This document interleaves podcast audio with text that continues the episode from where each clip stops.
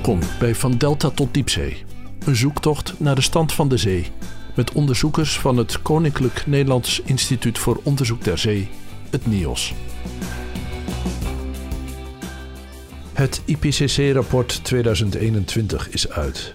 Het internationale rapport dat op initiatief van de VN ruwweg om de zeven jaar verschijnt. Het rapport geeft een overzicht van de meest recente inzichten en bevindingen van klimaatonderzoek dat door experts over de hele wereld wordt gedaan. Natuurlijk schrijven niet al die experts aan dat rapport. Dat is voorbehouden aan een selecte groep wetenschappers die de literatuur van een vakgebied hebben bijgehouden en in aparte hoofdstukken die bevindingen samenvatten. Het zal u niet verbazen dat er een hoofdstuk over zeespiegelstijging in het rapport staat.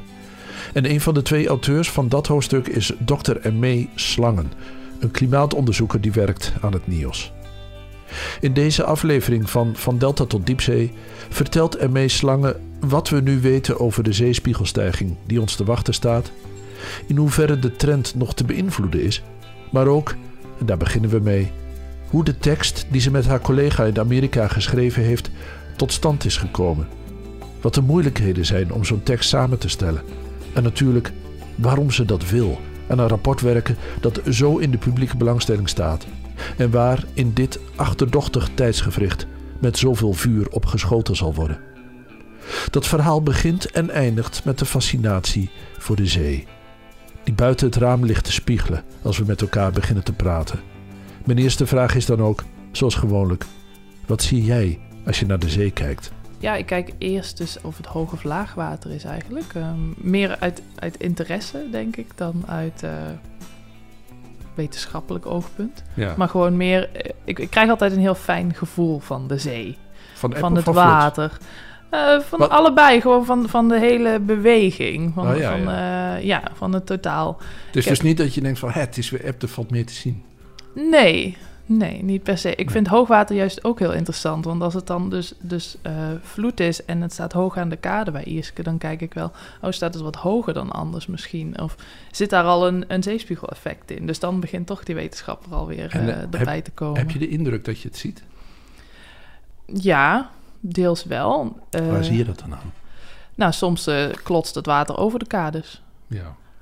En dan, uh, dus dan, dan merk je toch dat, uh, dat ineens het water echt wel een stuk hoger uh, kan staan. En dan denk je, zo zal het zijn. Nou ja, dan denk ik, dit gaat vaker voorkomen. Ja, maar je goed over een kade klotsen. Mooi.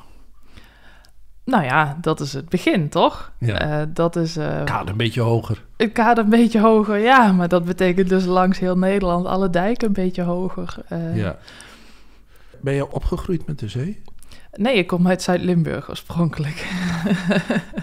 maar uh, wij gingen wel altijd op vakantie naar zee. Ja. Dus uh, ik, ik krijg bij de zee ook wel altijd een beetje een vakantiegevoel. Ja. Dus wat dat betreft ook heel prettig om dan naar kantoor te gaan en dan dus daar aan het water te zitten. Ben je geologie gaan studeren? Of, uh... Ik ben bodemwater en atmosfeer gaan studeren in Wageningen. Oh, juist. Ja. Ah. En nou ja, daar had ik bijvoorbeeld ook bodemkundige kunnen worden, hydroloog.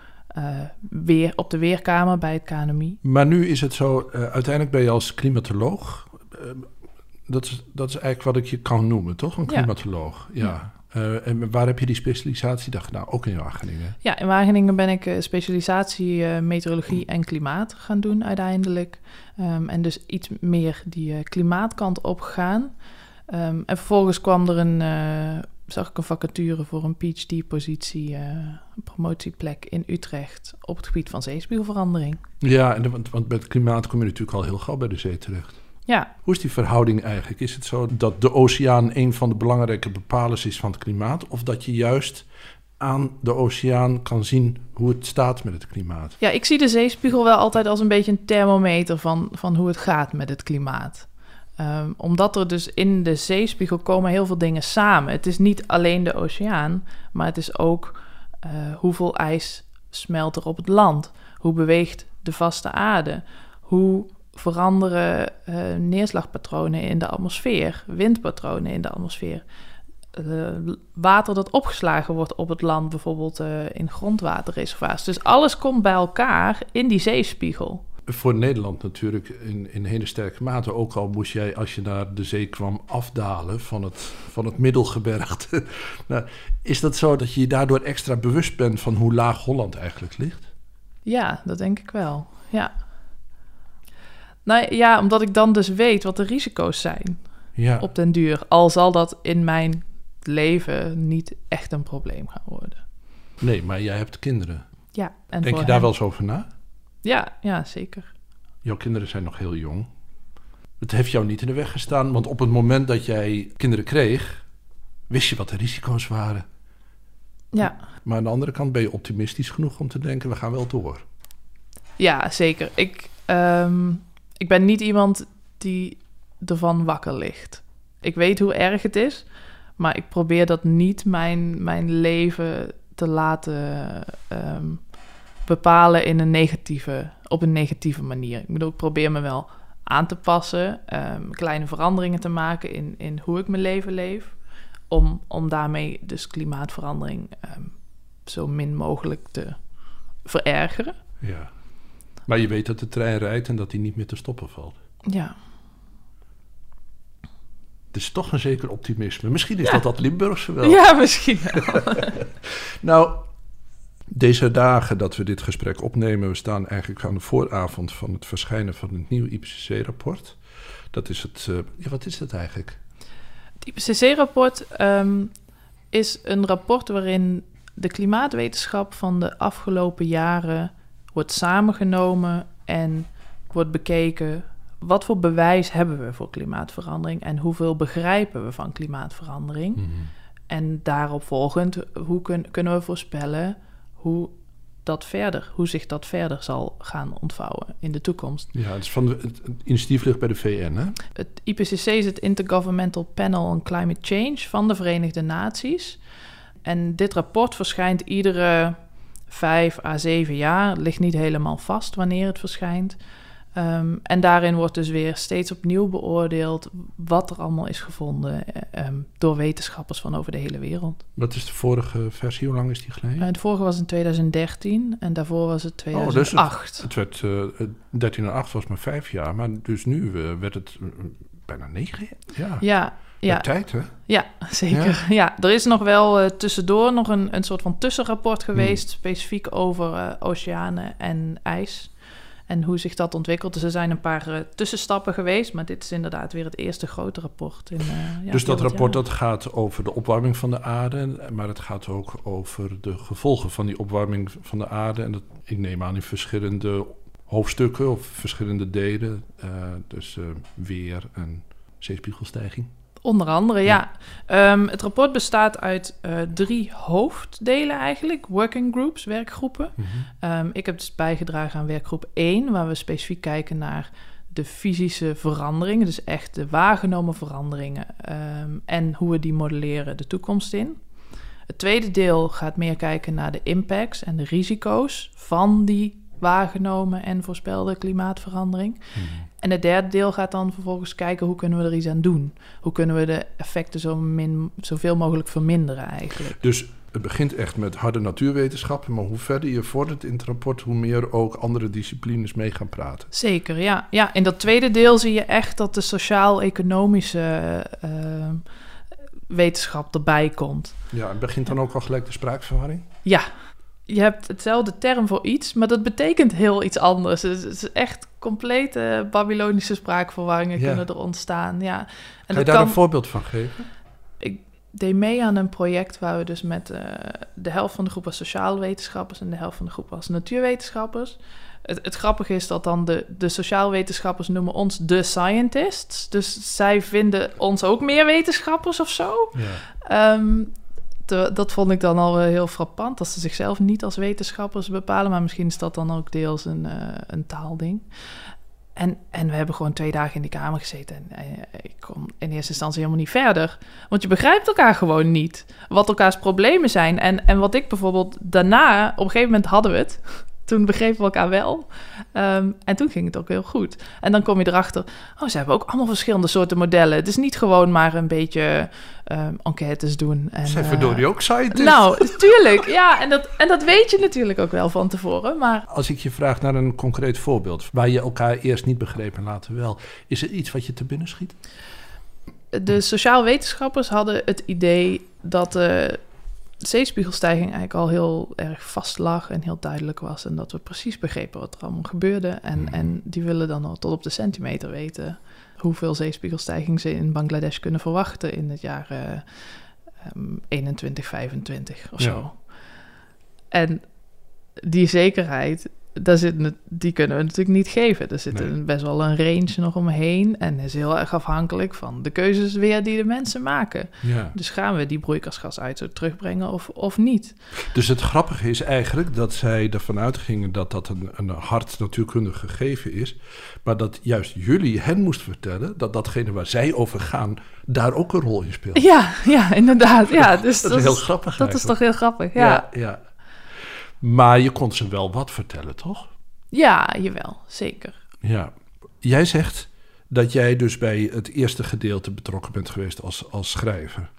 Maar je bent niet zomaar een schrijver. Je bent, zeg maar, als het gaat om zeespiegelstijging, ben jij de Nederlandse schrijver. Nee, ik ben niet eens alleen de Nederlandse schrijver, maar er zijn maar twee mensen die het zeespiegeldeel hebben geschreven. Ik en nog iemand uit Amerika. Jeetje. Dus samen hebben wij. Hoe is dat, zo gekomen? Het is een heel proces eigenlijk. In eerste instantie moet je jezelf voordragen als auteur. Dus er komt een, een oproep van het IPCC waarin ze zeggen: Wil je meeschrijven aan dit rapport? Dan eh, stuur hierbij eh, een soort van sollicitatie met eh, waarom jij op een bepaalde expertise goed genoeg bent om IPCC-auteur te worden. En waar wijs je dan op? Nou, op mijn eh, papers die ik heb geschreven tijdens mijn PhD bijvoorbeeld. Mhm. Ehm, en, en sindsdien. Want een van de papers die ik in mijn PhD heb geschreven gaat over regionale zeespiegelstijging. Wat is een regionale zeespiegelstijging? Eh, dus hoe de zeespiegelstijging varieert van plaats tot plaats. Want de zeespiegelstijging is niet overal hetzelfde. Ja, dat, dat- daar gaan we het nog over hebben. Ja. Ehm, die publicatie die ik dus in mijn PhD heb geschreven, is in het vorige IPCC-rapport gebruikt in 2013. Ah ja. Dus wat dat betreft was dat een, een goede aanbeveling, zou Ja. ik zeggen. ehm, om mij dit keer er ook weer bij te nemen. Ja. Maar dit keer dan zelf als hoofdauteur en vorige keer meer als citatie. Denk je dat het in je voordeel sprak dat je uit Nederland komt? Nou, eigenlijk heeft dat het juist lastiger gemaakt, Oh, vermoed ja? ik. Ja, want ehm, het IPCC wil wereldwijd auteurs meenemen. Dus eh, er moet een representatie zijn van alle werelddelen. Maar het meeste zeespiegelonderzoek wordt in de VS en in Europa gedaan. En eh, daardoor zijn er dus extra veel mensen die willen meewerken op dat gebied Ja. eh, aan het IPCC. En ze moeten dus een keus gaan maken. Uit oogpunt van diversificatie was het misschien dan juist weer te voor de hand liggend om een Nederlander te nemen. Maar je doet het samen met iemand anders. Ja. En, en wie, waar komt die vandaan? De VS. ja, nee, daarom. Het is, het is eh, echt klassiek. Ons, eh, ja, Nou, misschien zijn we er ook wel gewoon de beste in. nou, dat denk ik wel. We zijn er wel heel goed in, in ieder geval. En waarom wilde jij dat zo graag? Het voelde van de ene kant heel eh, natuurlijk om het te doen, denk ik, op dit moment. Vooral omdat het een bijdrage is aan het zichtbaar maken van het probleem en aan het agenderen van klimaatverandering. Dat wil zeggen dat jij denkt, ik heb hier verstand van, het is een belangrijk verhaal. En daarom moet ik het doen. Ja, eigenlijk wel. Ja. Er was geen andere keus, bijna. Dus het heeft niet zozeer te maken met eh, persoonlijke ambitie, als wel met ehm, inschatting van het belang van het verhaal. Ja. Was het lastig? Oh ja. ja, het was heel lastig. Wat was zo moeilijk Het is aan? heel veel werk. Je moet dus onderzoek van de afgelopen, of nou heel veel onderzoeken eh, bekijken, lezen, inschatten of de wetenschapscommunity over op zeespiegelverandering een bepaalde richting in is geslagen ten opzichte van het vorige rapport. Wat zijn de hoofdthema's? Wat zijn de subthema's? En we hebben niet oneindig veel ruimte in dit rapport om dat te beschrijven. Dus wij hadden eh, volgens mij voor zeespiegel hebben we ongeveer 20 pagina's gekregen. Hmm. om te beschrijven. En daarin moet je zeespiegelstijging in het verre verleden, zeespiegelstijging in de afgelopen eeuw, dus in, eh, het, sinds we het echt kunnen gaan meten met eh, instrumenten, zeespiegelstijging in de toekomst, ehm, dat moet daar allemaal in komen. Is er veel consensus onder eh, jouw collega's? Nou ja, die consensus die ga je dus onderzoeken in zo'n rapport. Ja, en, ja, en, en, en, nou, we hebben fikse discussies gehad wel. In ons hoofdstuk al. Dus ons hoofdstuk is, gaat eh, over oceaan, ijs en zeespiegel. Mhm. Waarvan er dus twee op het gebied van zeespiegel zaten. Ehm, maar veel meer mensen op het gebied van ijs en oceanen. En dan, dan zijn er toch wel discussies, want het zijn vooral dus die ijsbijdragers aan de zeespiegelstijging die nog best wel onzeker zijn en waar juist in de afgelopen jaren echt heel veel discussie is geweest in de community. Dus er zijn een paar papers die ehm, echt richting heel hoge zeespiegelscenario's zijn gegaan, ja. terwijl andere glaciologen dat juist niet vinden in Een hun modellen. glacioloog is een ijsdeskundige. Een ijsdeskundige, Ja. ja. Dus op het moment dat jij de boel op een rijtje wil zetten in die 20 pagina's, dan wil je eigenlijk alles recht doen. Maar je wil ook recht doen aan het feit dat er gediscussieerd wordt. En ik, ik weet niet hoe je dat dan verwerkt, maar ik heb de indruk dat je dat doet in het beoordelen van je bevindingen als hier, dit weten we echt zo goed als zeker. Hier eh, is discussie over.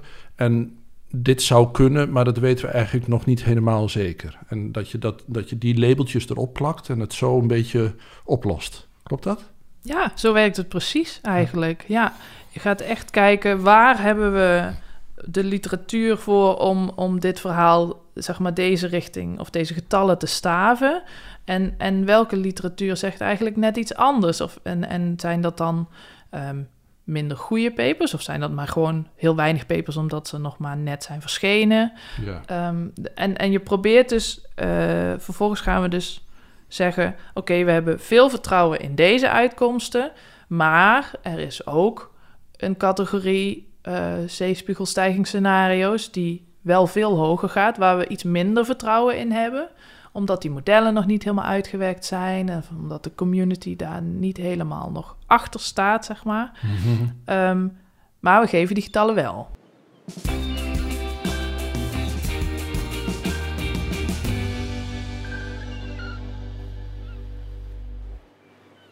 Is het nou zo dat je, eh, en, en dan wil ik echt naar de resultaten toe, dat op het moment dat je die dingen gaat beoordelen, dat je dan alleen maar rekening houdt met overwegingen in de community zelf, dus bij de collega's zelf, of dat je ook, ik bedoel, kijk je alleen naar binnen of voel je ook de blikken van buiten branden in je rug op het moment dat jij dus een voorspelling hebt, nog niet zo goed uitgerekend, van bewijs van spreken 40 meter spe- stijging. Dat je denkt van het zou best kunnen, maar we moeten ook rekening houden met de politieke impact. We kunnen eigenlijk, ik kan het wel noemen, maar we gaan wel zeggen dat het nog een beetje onzeker is. Hè? Dus dat wil zeggen, je kan die beslissing maken op basis van het feit dat er nog maar twee of drie artikelen over zijn. Maar je kan die beslissing ook nemen omdat je verwacht dat extreme scenario's weerstand zullen oproepen en misschien de effectiviteit van je verhaal zullen dwarsbomen. Heeft dat laatste meegespeeld? In eerste instantie denk ik dat het vooral de literatuur is waar je naar kijkt ehm, en naar je bewijsvoering. Maar er zijn verschillende rondes waarin dit eh, rapport al is bekeken Mhm. door bijvoorbeeld overheden en door andere experts. En dan krijg je wel commentaren die inderdaad zeggen van... oh, moet je daar niet rekening mee houden? Of eh, jullie vergeten dit hele extreme scenario bijvoorbeeld. Of jullie leggen te veel nadruk op dit extreme scenario. Dus je krijgt ook heel uiteenlopende kritiek. ja. Ehm, en uiteindelijk in, zit vooral die politieke gevoeligheid, denk ik, in de manier waarop we het dan opschrijven. Hmm. Dus we proberen het zodanig te verwoorden ehm, dat we inderdaad zeggen: die, die extremere scenario's, die zijn er wel, die kunnen we niet negeren. Je kunt niet zomaar onder het tapijt vegen. Ze zijn er wel en er zijn modellen die daar naartoe wijzen. Maar we hebben daar wel iets minder vertrouwen in. Ja. En, en, maar hoe je dat precies opschrijft is heel genuanceerd. Dus neem ik aan een eindredactie van het rapport. Uh, ja, maar die gaan ons niet woord voor woord daarop controleren of, Nee. of uh, helpen. Dat is toch echt onze eigen. Oei. Uh, ja, ja, Ja. dus dat is. Uh, Voelde je je beschermd genoeg om gewoon eh, je gang te kunnen gaan zonder dat je onder druk stond? Nou, ik heb wel. Ik werd er soms wel een beetje zenuwachtig van. dat je zoiets schrijft en dan dat dat dus vervolgens door heel veel mensen als de waarheid voor de komende zoveel jaar wordt Ja. aangenomen. Ik bedoel, ik weet hoe ik zelf de vorige IPCC-rapporten heb gebruikt in mijn onderzoek. Als, oh, dit is echt uh, top-notch. Dit is wat we mee moeten nemen en hier Ja. kunnen we niet omheen. En nu wordt dus, ja, dus je gaat wel echt ieder woord op een, op een weegschaaltje leggen. Zijn jullie heel veel meer te weten gekomen in die tussentijd? Nou, in die acht jaar is wel uh, de klimaatwetenschap, uh, ja, denk het wel, uh, Ja. ontploft. er zijn Oh ja. heel veel publicaties geweest. En als we dan kijken naar zeespiegelstijging, gaat dat met name over uh, de bijdrage van Antarctica aan Ja. de zeespiegelstijging. Dus in dat vorige rapport zeiden ze, konden ze, konden ze Antarctische bijdrage uh, maar voor een deel uh, vastleggen of voorspellen in modellen, nabootsen in modellen. En uh, kwam een andere fameuze zin waarin ze eigenlijk zeggen... en mogelijk nog enkele decimeters extra van Antarctica... door pro processen die we nu niet in modellen kunnen beschrijven. Mogelijk enkele decimeters, ja. Ja. Hallo. en het mooie is dat we daar dus nu in dit rapport... wel uh, getallen op hebben kunnen plakken. Ja. Dat is eigenlijk wat je graag wil. Dus eigenlijk wil je graag datgene wat die uh, sociale wetenschappers aan jullie vroegen. Van vertel eens, geef ons eens getallen. Ja, nou ja, liefst willen we dat natuurlijk ook geven. Ja. Maar ja, je hebt natuurlijk wel altijd de wetenschapper in je, in je achterhoofd die zegt ja, maar, mits, uh, maar. Um, ik heb de indruk dat als het gaat om het stijgen van de zeespiegel, dat dat um, eigenlijk twee hoofdoorzaken heeft. Er is meer water in de zee en het water zet uit.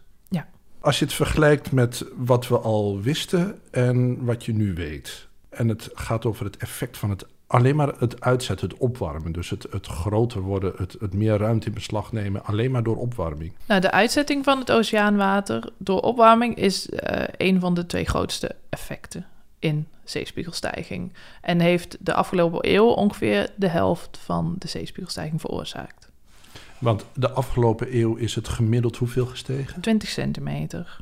Dus 10 centimeter daarvan komt door de opwarming. Zie je daar een versnelling in, in het opwarmen van, de, van het water? Ja, ja, zeker. Als we kijken naar uh, de afgelopen eeuw, heb je dus 20 centimeter. Um, wat neerkomt op ongeveer 2 mm per jaar. Als je naar de afgelopen 20 jaar kijkt, is het al 3,5 mm per jaar. Dus er zit een versnelling in die zeespiegelstijging. En een deel daarvan wordt veroorzaakt door de opwarming van het oceaanwater. Dat is een toename van zo'n 80%. Als je daar een grafiekje van naar de toekomst doortrekt, is dat inderdaad zo'n hele stijgende lijn? Ja, dat hangt dus af van, van welke broeikasgasuitstoot wij als wereld gaan volgen. Ja, stel, maar stel dat we gewoon doorgaan op ingeslagen pad. Dan is het een stijgende lijn, inderdaad. Ja. Maar een, een, een, een, exponentieel toenemende ja, lijn. Ja. Echt een steile, steile. En stel dat al het ijs gewoon zou blijven waar het is, dan nog zou het in de komende eeuw met hoeveel uh, centimeter?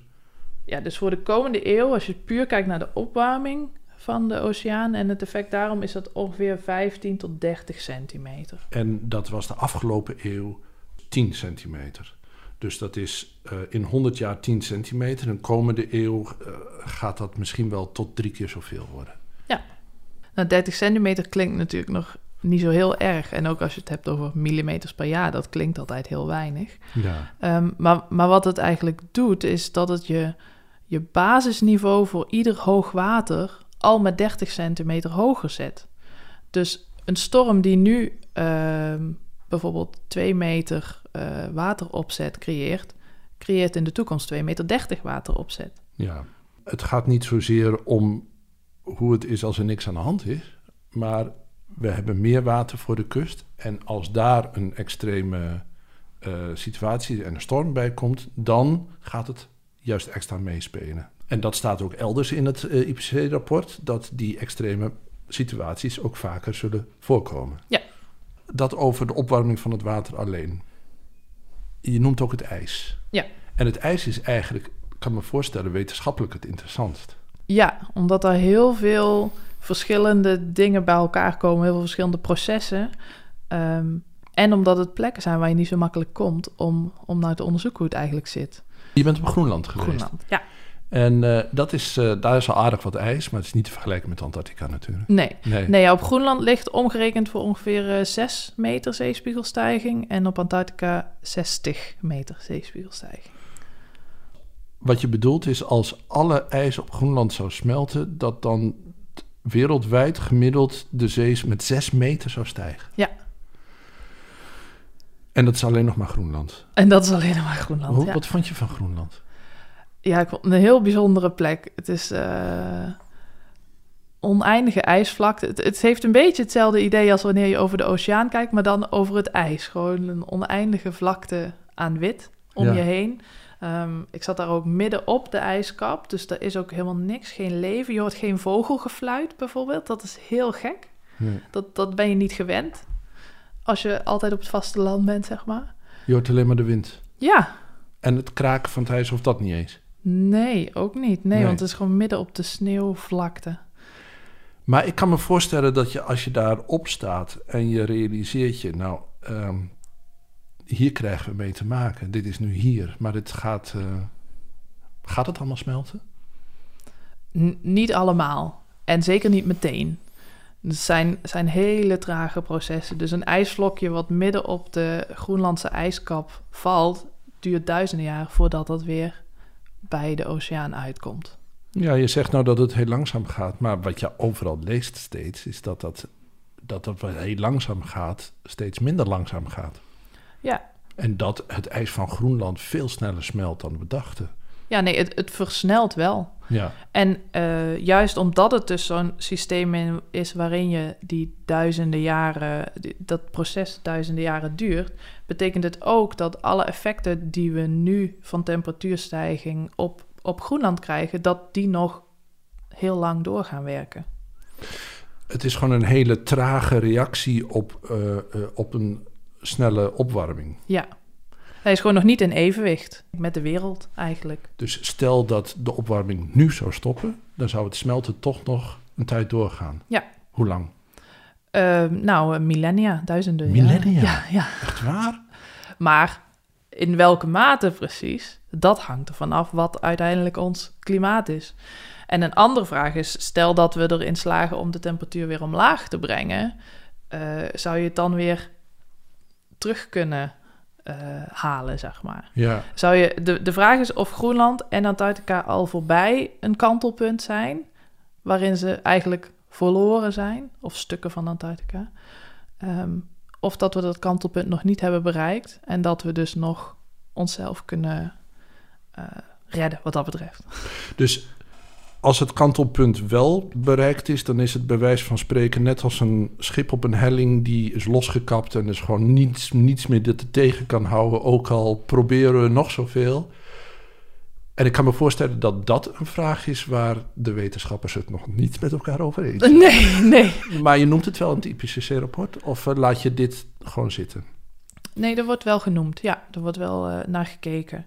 Maar dit, het is nog steeds een vrij brede range. En de wetenschappers zijn het er inderdaad niet over eens. En wat neig jij toe? Zijn we het kantelpunt voorbij? Um,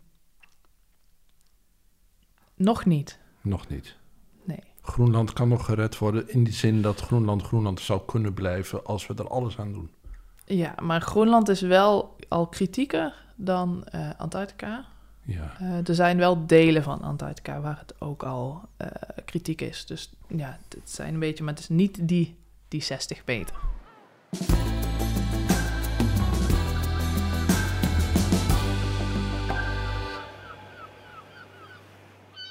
Als Groenland helemaal smelt, dan komt er gemiddeld 6 meter bij. Als Antarctica smelt, komt er gemiddeld 60 meter bij de oceaan. Dat is bij elkaar 66 meter. Dat zijn onvoorstelbare natuurlijk. Ja. Dat is, dat is Maar dat is ook niet iets wat op, zeg maar, dat gaan wij niet meemaken. Want hoe lang zou dat bij wijze van spreken duren als we... Dat, kan, dat is gewoon natte vingerwerk, neem ik aan. Maar als we gewoon doorgaan zoals we nu... Hoe lang duurt het dan voordat Antarctica gesmolten is? Ook millennia dus. Ja, Oh, ja, ja. En, en nog wel langer. En is dat een geruststelling? Nou, de geruststelling zit hem denk ik in ehm, dat in hoeverre we het nog kunnen vertragen, Hmm. eh, wat ons voorbereidingstijd geeft. Ja. En, en dat we het dus, als we het beneden het kantelpunt houden, dat er nog eh, dat het meer behapbare hoeveelheden worden. Want die 60 meter van Antarctica, dat, dat is niet het probleem zozeer. Of in ieder geval, daar, dat is niet de verwachting dat dat daar een bijdrage direct aan de zeespiegel komt. Maar het gaat om, er zit ongeveer 3 tot 5 meter in de in, in kritieke gebieden rondom Antarctica. En dat wil je voorkomen. Als je het hebt over dus het 3 tot 5 meter, dan is het 3 tot 5 Met meter. eh, wereldgemiddelde eh, zeespiegelstijging. ja, precies. Ja. Dus dat is. eh, eh, en En, en die, ook, die gaan sowieso eigenlijk. die zitten nu op het kantelpunt. Ja, Ja, ja, de- ja. die komen daar heel dichtbij. En, maar dan alsnog kan het dus nou ja, honderden tot duizenden jaren duren.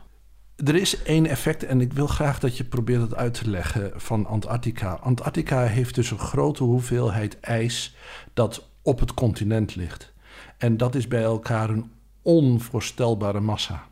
En die massa trekt massa aan. Ja. Dat wil zeggen dat alleen al door het feit dat daar zoveel ijs op ligt en dat, dat Antarctica daardoor zo zwaar is, trekt het ook water naar zich toe. Dat wil zeggen dat rond Antarctica, het is een beetje als een so- soort magneet. Kan je even uitleggen hoe dat werkt? Ja, dus die, die enorme hoeveelheid ijs die op Antarctica ligt, die trekt het water als het ware naar zich toe.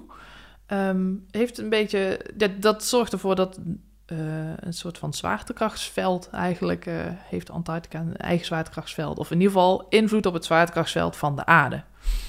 Ehm, als Antarctica dus, als er stukken ijs van Antarctica smelten, betekent dat dat je iets minder sterk zwaartekrachtsveld krijgt. Waardoor in de buurt van Antarctica de zeespiegel juist gaat dalen. Dus doordat Antarctica zo zwaar is, trekt dat de water naar zich toe. Dat wil zeggen dat als je met een schip naar Antarctica vaart, dat je bij wijze van spreken een hellinkje opvaart.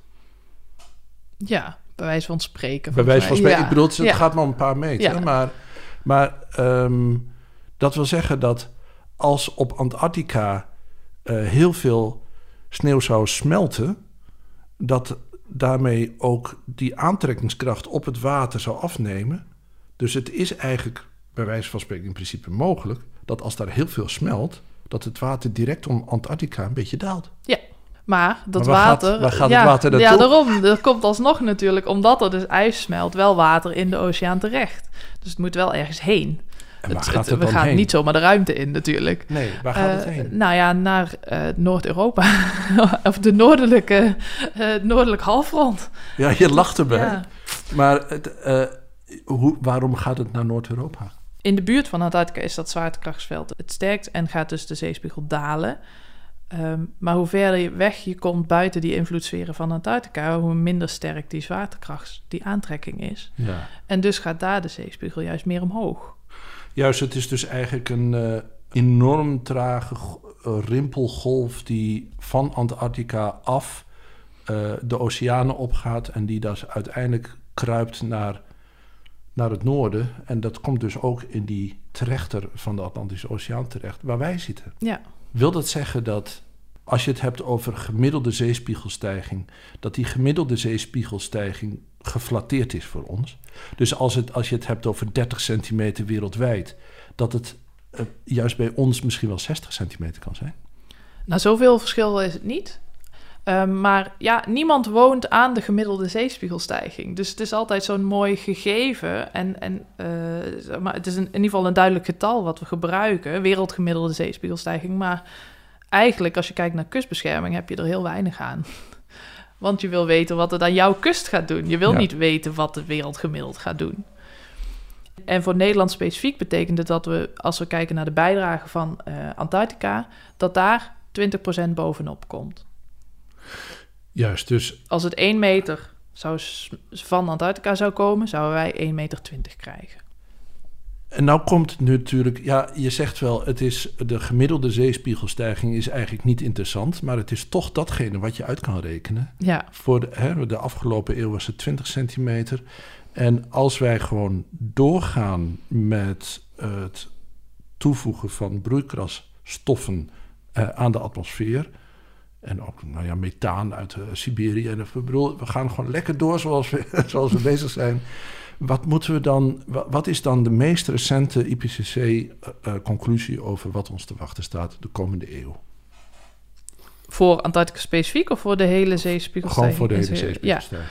Ehm, nou, dat is dus als we doorgaan zoals we nu gaan, komen we rond de 80 centimeter uit. Zeespiegelstijging wereldgemiddeld in aan het eind van de eeuw. Dus over, eh, nou ja, drie generaties ongeveer. Ja, dus als onze kleinkinderen, ehm, als onze kleinkinderen aan het eind van hun leven, dan is, er- staat er bijna een meter meer water Ja. eh, uit tegen de dijk aan. Als, en die dijk, die heeft daar een groot probleem mee. Nou ja, de, de dijk heeft daar in gemiddelde omstandigheden normaal gesproken niet zo'n probleem mee. Nee. Maar in het geval van een storm gaat dat natuurlijk wel ervoor zorgen dat je veel grotere overstromingsrisico's krijgt. Dus een storm die nu eh, maar drie meter tegen de dijken aankomt, komt dan vier meter tegen de dijk op. Rijkswaterstaat die, die drukt dat uit in ehm, eens in de zoveel jaar. Ja. Dus de, de dijken die zijn nou voor eens in de, ik weet niet eens, 10.000. E- e- eens in de 10.000 jaar. Maar Ja. als daar een 80 centimeter bij komt... Aan, en, en we doen niks aan die dijken... dan is het eens in de... Ja, dat is afhankelijk van waar je precies kijkt. Maar ehm, dat, dan wordt het eerder eens in de duizend jaar. Dus dat gaat dan wel heel hard eh, teruglopen. Ja, Ja, en een eens in de honderd jaar hoogwater wat we nu zien, zou eens per jaar kunnen worden. En als je nog verder doortrekt, en wat we nu aan hoogwater zien eens per jaar, waar bijvoorbeeld dus de Oosterscheldekering of de Maaslandkering voor dicht moeten, bij een meter zeespiegelstijging, kan het betekenen dat je de Oosterscheldekering permanent dicht moet gaan zetten. Of in ieder geval veel vaker. Ja, maar de Maaslandkering... die kunnen we niet permanent dichtzetten... want dan verzuipen we ook door, het Nou ja, door het dat- Rijnwater. Ja, de Maaslandkering is niet gebouwd om permanent dicht te gaan, want dan eh, sluit je de rivier af. Ja, Dus, eh, en afgezien van het verzuipen zitten daar natuurlijk ook de economische kosten van al die schepen die er eigenlijk wel graag doorheen willen. dit is de voorspelling als we gewoon doorgaan... zoals we, waar we mee bezig zijn.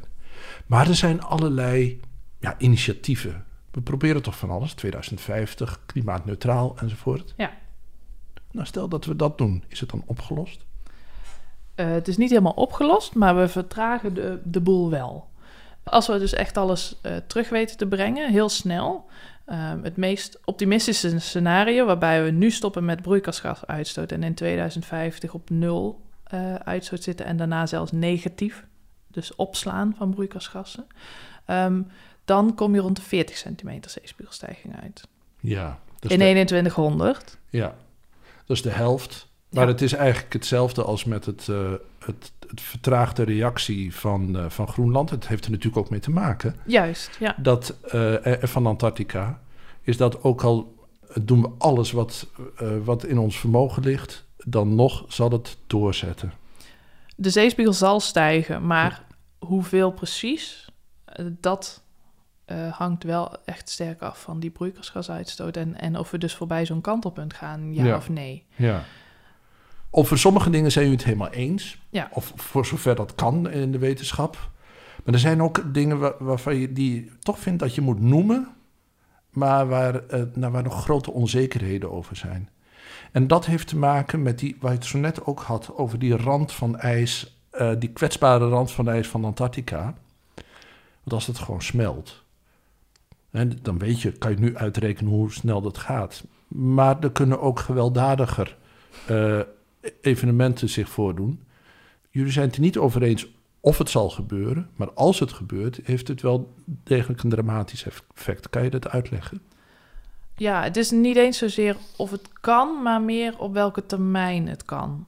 Ehm, er zitten. ehm, het ijs van Antarctica ligt eigenlijk op een eh, bergafwaartse helling het land in. Dus aan de zeekant eh, zit, zit het land vrij hoog, maar naar het midden van Antarctica ga je omlaag over Oh. het land. Dus het is omgekeerde glijbaan. eigenlijk. Omgekeerde glijbaan. Ja. Eh, dus daardoor ligt er steeds meer ijs. Nu, eh, als je dus kijkt naar eh, de oceaan, die is op dit moment in contact met, een bepaald, met de zijkant van Antarctica en smelt daar langzaam het ijs af. Als dat eh, de, de vrees is dat dat een soort van wegloopeffect kan zijn, omdat hoe verder je het land ingaat, hoe groter dat oppervlak wordt wat met de oceaan in aanraking komt. Dus je kunt steeds sneller dingen gaan afsmelten, ijs gaan afsmelten, waardoor die bijdrage van Antarctica steeds sneller zou kunnen gaan Ja. lopen. En dat effect, daar zijn mensen het op zich wel over eens, de wetenschappers, maar ehm, de mate in eh, hoe snel dat gaat spelen tussen nu en 2100 of daarna, daar zijn ze het nog niet helemaal over eens. Hoe ga jij om met die onzekerheid? Want ik kan me voorstellen dat je daar ook wel eens over na ligt te denken. En denkt van ja, er zijn bepaalde scenario's waarbij Antarctica gewoon doorgaat zoals het, eh, zoals het hoort. Hè? Dat Antarctica zich een beetje gedraagt. Of, maar er zijn ook scenario's dat Antarctica in een versnelling kan komen. En eh, je bent ook gewoon een mens. Hè? Ik bedoel, het, eh, je bent niet alleen maar een formule. Denk je dan ook wel eens van, ach, dat zal toch, het zal toch wel zo vaart niet lopen?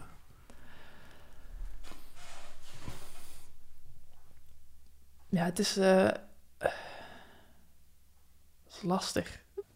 Als mens heb je denk ik toch altijd snel de neiging om het te relativeren. Om te denken, ach, 30 centimeter, daar kunnen onze dijken wel tegen. Ja. Daar kunnen wij wel tegen. Ehm, dus, dus je probeert jezelf denk ik te beschermen op die manier. Maar ehm, het, het is best wel angstaanjagend soms, ja. ja. Als je weet hoeveel er kan komen. Ja. Nou ja, je kinderen zijn nog niet oud genoeg om eh, met ze te praten over eh mama zeespiegelstijging. Nee. maar op den duur wil je ze natuurlijk ook zeggen van, nou, alles komt goed. Ja, nou ja, dat zou je altijd willen zeggen. Maar dat is, eh, ja, en, en ik denk dat het voor hen nog wel goed komt. Maar op een gegeven moment in Nederland denk ik, als die zeespiegelstijging maar blijft doorgaan, eh, gaan we wel ja, beslismomenten tegenkomen. Terug naar Limburg. Nou, terug naar Limburg inderdaad. Back to the roots. Dat IPCC-rapport dat gaat, eh, gaat zo de wereld in. Of is, eh, ik weet niet, afhankelijk van wanneer mensen dit horen, het is al de wereld in natuurlijk. En dan komen de reacties. En die reacties die zullen niet altijd wetenschappelijk zijn. Want eh, bepaalde eh, beroerde boodschappen, die komen sommige mensen politiek niet uit. Ben je daar tegen opgewassen? Wat, eh, zie je dat met angst en beven tegemoet? Of denk je van, nou, laat maar komen? Nou, ik vind dat wel spannend, ja. Ehm, ik ben niet iemand die heel makkelijk ter plekke argumenten zo kan weerleggen. Ik heb altijd net iets meer tijd nodig om, om na te denken en, en een goed antwoord te formuleren. Ehm, dus als iemand mij direct eh, met zoiets aanvalt, zeg maar, dan eh, ja, heb ik daar denk ik wel moeite mee. Ja, want je bent, hè, je bent tot nu toe onzichtbaar. Maar jij bent dus een van de twee hoofdschrijvers van het IPCC-rapport wereldwijd. En er zullen ongetwijfeld mensen zijn die zeggen: het is allemaal flauwekul. En, eh, en die zijn niet te beroerd om jou daar ook persoonlijk op aan te spreken. In die organisatie spreken mensen daar wel met elkaar over als je ze tegenkomt, bijvoorbeeld op congressen, hoe je daarmee omgaat? Of is dat, wordt het eigenlijk maar een beetje zo. eh, Nee, ja, we krijgen ook zeker wel ondersteuning vanuit het IPCC in, in hoe we met eh, verschillende, met media of met mensen om moeten gaan. Uh, en we hebben ook al een beetje oefening gehad, want een deel van die, uh, nou, zoals ik zei, wordt het rapport een paar keer al uitgestuurd voor review, wordt al bekeken. Ja. En ook daar zijn dan mensen die niet geloven in klimaatverandering, die al commentaren indienen. Ja. En ja, hoe je daar dan op antwoordt, is uh, wel, ja, dat, dat wordt dan al besproken en hoe gaan we hierop antwoorden. Want de discussie wordt vaak niet wetenschappelijk gevoerd, maar wordt op de, op de man gevoerd ja. uh, of op de vrouw. En, en, en het gaat dan om, uh, er worden je motieven verdacht gemaakt. Ja. En, uh, Ja, nou ja, dat is best wel frustrerend. Het idee dat, uh, dat er soms wordt geopperd dat er, dat er überhaupt nog een, een, vraag is of klimaatverandering iets is of niet. Dat, er is zoveel bewijs. En nu ik heb meegewerkt aan dit rapport, weet, heb ik dat nog maar eens extra gezien. Hoeveel verschillende lijnen van bewijs wil je hebben om te laten zien dat klimaatverandering echt er is en een probleem is en door de mens wordt veroorzaakt? Als je het helemaal rationeel benadert, wetenschappelijk benadert, dat wil zeggen dat je moeite moet doen om je ergens in te verdiepen. Dat je van goede wil moet zijn om daar ook daadwerkelijk voor open te staan. Ja. Dan kan je een discussie voeren. Maar met andere middelen, die veel sneller zijn veel gemener, niet. En hoe ga je daarmee om? Zeg je van nou, dat is gewoon een gegeven. Daar kan ik ook niks aan doen. Ik zeg maar niks terug, want het heeft toch geen zin. Wat denk je? Ja, ik vermoed dat ik uh, inderdaad. Nou ja, misschien zal ik proberen. Het ligt hem denk ik een beetje aan precies wat voor boodschap het is. En, en misschien zal een deel van mij nog proberen toch nog te argumenteren en te zeggen: Nou, kijk, dit, dit rapport. Ik schrijf dit wel, maar dit is gebaseerd op publicaties van andere mensen. Het is niet dat ik dit allemaal heb staan verzinnen of zo. Nee. Um, dus ja, je kunt wel op mij spelen, maar dat heeft eigenlijk helemaal geen zin. Ja. um, en van de andere kant. Um, ja, als, het, als ik echt denk, nou ja, hier is geen redden aan, dan uh, zal ik denk ik gewoon niks zeggen. Ik weet het niet. Dat uh, gaan we uitvinden. Ja. Ik weet nog niet wat precies de gevolgen gaan zijn. Dus voor mij ook de eerste keer dat ik meedoe aan dit rapport, dat ik ja. meeschrijf. Dus ik ga er wel achter komen, vrees ik. nou, ik, uh, ik ben je dankbaar voor wat je gedaan hebt. En dankbaar voor het gesprek.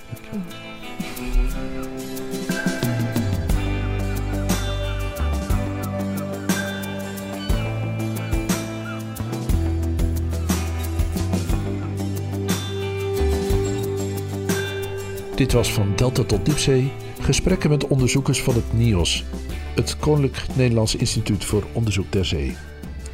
Deze keer was dat klimaatwetenschapper en auteur van het IPCC-rapport M.E. Slangen in gesprek met Matthijs Deen. Als u zich abonneert op deze podcast, ontvangt u elke maand een gesprek over de zee en haar kostgangers met onderzoekers van het NIOS.